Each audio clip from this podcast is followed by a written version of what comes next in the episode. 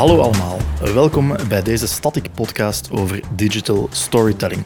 Static is een Leuvens digitaal bureau dat klanten helpt om door middel van technologie meer positieve impact te maken met hun organisatie. En een van de manieren waarop dat kan is via straffe storytelling. In deze korte podcast delen we vijf tips om te starten met storytelling. We richten de spotlight daarbij bewust op de kunst- en cultuursector. Waarom? We werken bij Static vaak samen met cultuurorganisaties en, we weten het allemaal, die sector heeft anno 2022 meer dan ooit nood aan pakkende storytelling om expo's, kunstwerken, belevingen, noem maar op, in de kijker te zetten en zo burgers opnieuw op de been te krijgen. Laten we eraan beginnen. Ik ben Tim Oliver, gastheer van dienst en online marketeer bij Static. Vandaag ga ik er een paar collega's bij halen om de ins en outs van storytelling toe te lichten aan de hand van enkele voorbeelden. De eerste is Annelies. Zij is strateeg en marketeer bij Static. Dag Annelies, jij bent de spits af. Hey Tim Oliver. welkom. Storytelling, wat is dat eigenlijk? Dat is eigenlijk gewoon een heel chic woord voor verhalen vertellen. En verhalen die zijn zo oud als de mensheid uh, en waren vroeger eigenlijk de manier om van generatie op generatie informatie uh, door te geven en dingen um, over te brengen doorheen de geschiedenis eigenlijk. Nu kunnen we alles makkelijk opschrijven of elke Instagram-post is voor de eeuwigheid ergens in de cloud beschikbaar. Dat was vroeger niet zo. Um, en uh, waarom doen ze dat in verhalen? Dat is omdat dat um, heel vaak op uh, een gedeelde herinnering speelt. Het is veel makkelijker om een verhaal te onthouden dan een, dan een reeks van feitjes. Er zit vaak een bepaalde emotie in, waardoor het mensen pakt en het gewoon veel langer um, ja, in de wereld blijft hangen dan als je het gewoon ergens zou feitelijk weergeven. En welke plaats heeft storytelling binnen de kunst en cultuur? Ik denk dat kunst, cultuur en erfgoed per definitie um, verhalen zijn.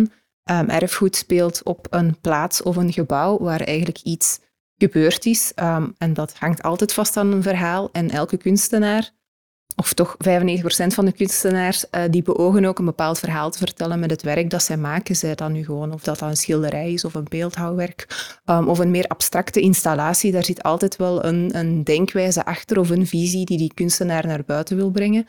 Dus ik denk dat je niet zonder verhalen kan in die sector. Oké, we gaan het meteen hyperconcreet maken. Annelies, uh, tip 1, die luidt, vertel je verhaal. Dat is misschien gemakkelijker gezegd dan gedaan. Er zijn altijd verhalen. Um, soms moet je er misschien een beetje achter zoeken. Uh, ik denk dat elke kunstenaar vanuit een zeker persoonlijk verhaal vertrekt. Dus altijd een beetje de achtergrond van een kunstenaar meenemen is al een goede basis voor het verhaal. Um, of het een, een, een, wat ouder kunstwerk schetsen in de, in de hedendaagse tijd wordt ook heel veel gedaan. Van hoe zouden wij nu kijken naar dit werk of naar deze situatie die getoond wordt.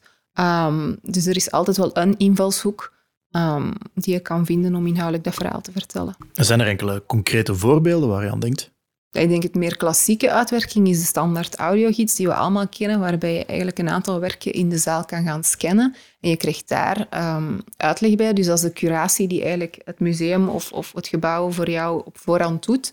Um, tegenwoordig is daar ook wel een trend om buiten wat meer feitelijke audiogidsen ook veel meer een verhalende audiogids te gaan stellen. Eigenlijk een podcast te gaan maken, uh, een verhaal dat ook al eeuwen oud bestaat, een beetje het hoorspel van vroeger, dat ook op de radio werd verteld. Um, dat wordt vaak ook met bekendere stemmen gedaan, zodat mensen hun leefwereld zijn. Um, in het Gravensteen is dat met Wouter de Pre. Ik was recent ook in Mechelen op een tentoonstelling waar Robbie Claire um, de stem was en, en, en, je herkent meteen die zijn stem. en, en dat, dat, zuigt mensen mee in, engageert mensen bij het waarom achter een bepaalde expo bijvoorbeeld. En is ook voor kinderen heel fijn om om het op een verhalende manier te tonen, want zij gaan dat veel beter onthouden. Op die manier volwassenen ook. Um, maar uh, dat maakt het direct meer engaging. Maar een audiogids is voor mij ook geen must. Je kan ook op andere manieren eigenlijk um, aan beleving gaan doen. En zo'n verhaal, uh, is er een ideale manier hoe ik dat moet samenstellen? Schrijft dat ook zichzelf of zijn er toch normen waar ik me aan ga moeten houden? Ik vind dat er niet per se normen moeten zijn bij een verhaal. Ik vind dat je daar ook buiten bestaande formats mag breken, maar het klassieke format dat altijd werkt, is dat je eigenlijk een duidelijk begin hebt, waarin een probleemstelling wordt gekaderd. Je hebt een midden, waarin je naar een resolutie gaat zoeken, en je hebt dan het slot, waarin er een duidelijke oplossing of een resolutie komt um, van dat probleem. Um, en omgezet naar verhalen achter kunst is dat heel vaak ook het, persoonlijke probleem waar een kunstenaar mee heeft geworteld op het moment um, dat hij aan dat kunstwerk werkt. Heel vaak komt dat vanuit dramatiek, vanuit een zeker verdriet, hoe erg het ook is, maar de, daarin wordt de mooiste kunst gemaakt, vind ik ook gewoon persoonlijk. Um, en door dat verhaal mee te krijgen en mensen daarin mee te zuigen, krijg je eigenlijk ook die, die logische opbouw. Ja, dus we zetten een protagonist voor een probleem en lost zich vanzelf op. Nee, het lost zich niet vanzelf op, maar het, verhaal schrijft zich op die manier. Het verhaal schrijft zich vanzelf en ik denk ook dat we niet moeten streven naar ons verhaal per se opleggen. Ik denk dat het verhaal mensen een, een toegangspoort moet bieden tot het werk.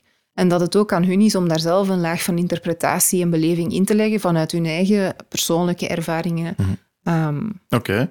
De volgende tip, die luidt, uh, zet in op beleving. Daar heb je er net al even naar gehind met de audiogidsen. Uh, heb je daarover ook een, een, visie?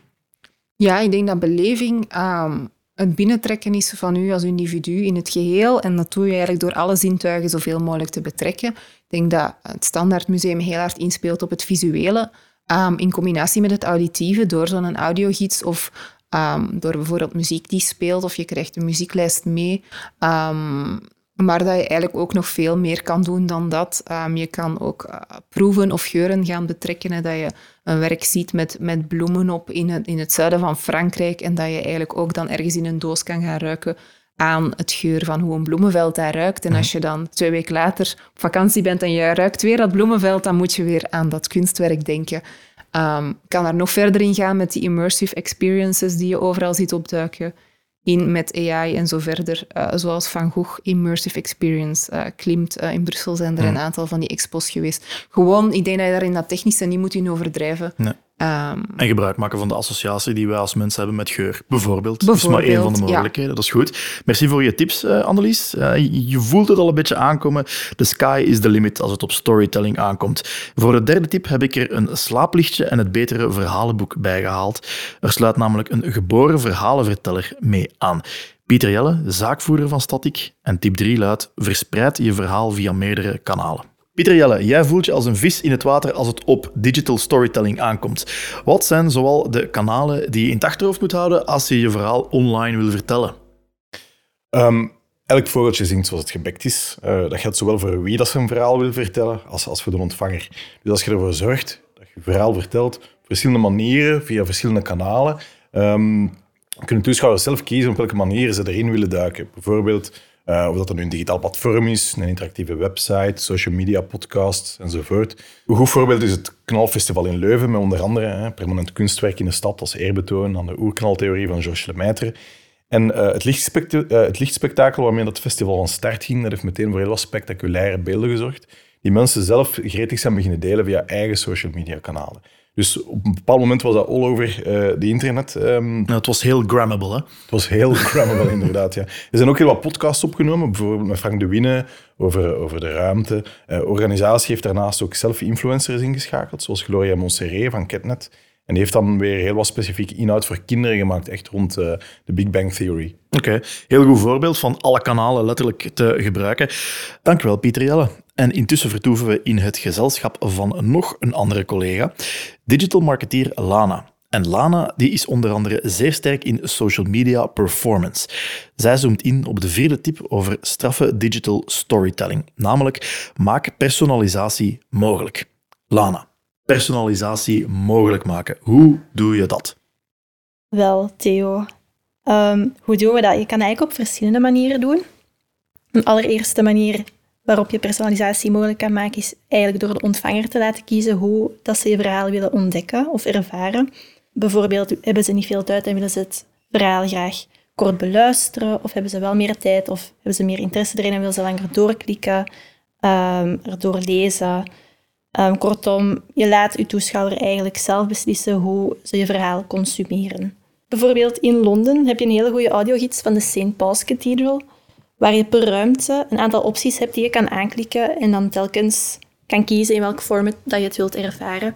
Bijvoorbeeld enkel audio of dat er ook foto's bij betrokken zijn of zelfs een quiz-element. Een ander voorbeeld zijn eigenlijk de Insta-novels van de New York Public Library. Insta-novels? Insta-novels. Het zijn eigenlijk boeken dat ze herwerken, of digitaliseren liever, naar Instagram stories, waar dat de gebruiker eigenlijk dan thuis vanuit zijn luie zetel de novel zo kan ervaren door middel van mooie graphics en dan de tekst door, door de stories te klikken eigenlijk. En zijn er nog andere manieren waarop het, uh, waarop het kan? Jawel. Je kan eigenlijk de toeschouwer ook zelf content laten maken. We noemen dat user-generated content. Bijvoorbeeld, Tourisme Oostende heeft daar een heel leuke TikTok-tour gemaakt, waar dat de bezoekers eigenlijk bij verschillende erfgoeden een TikTok-dansje kunnen opnemen en dan zo Oostende taggen en de hashtag Love Oostende gebruiken. Super cool. Dus dat is uh, user-generated content. En Oostende doet dat met de TikTok-tour Rolls of the Tongue.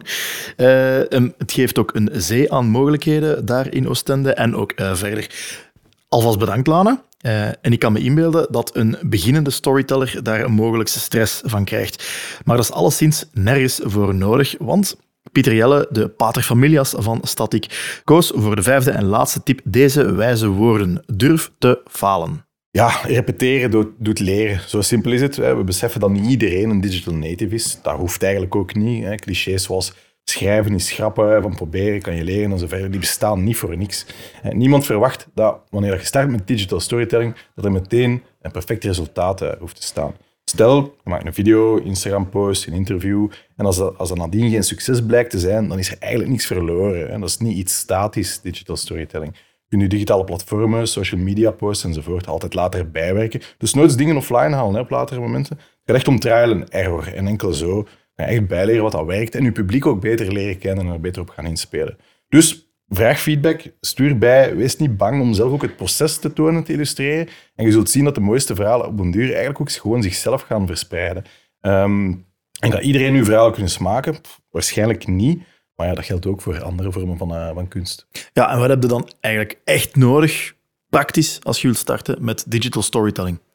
Eigenlijk niet zo geweldig veel. Vooral een goed verhaal en daarvoor heb je geen materiaal nodig. Maar um, met een gewone moderne, moderne telefoon, met een moderne camera, misschien een heel kleine investering in de vorm van een microfoon als je, als je audio wilt gaan opnemen. Of twee. Dat is eigenlijk, of twee microfoons als je interviews wil afnemen. Um, dat is eigenlijk het voornaamste. En voor de rest zal vooral het pad zelf wel aangeven wat er onderweg nodig, nodig is. Dat zijn wijze woorden waarmee we gaan afsluiten. Pieterella, dank u wel daarvoor.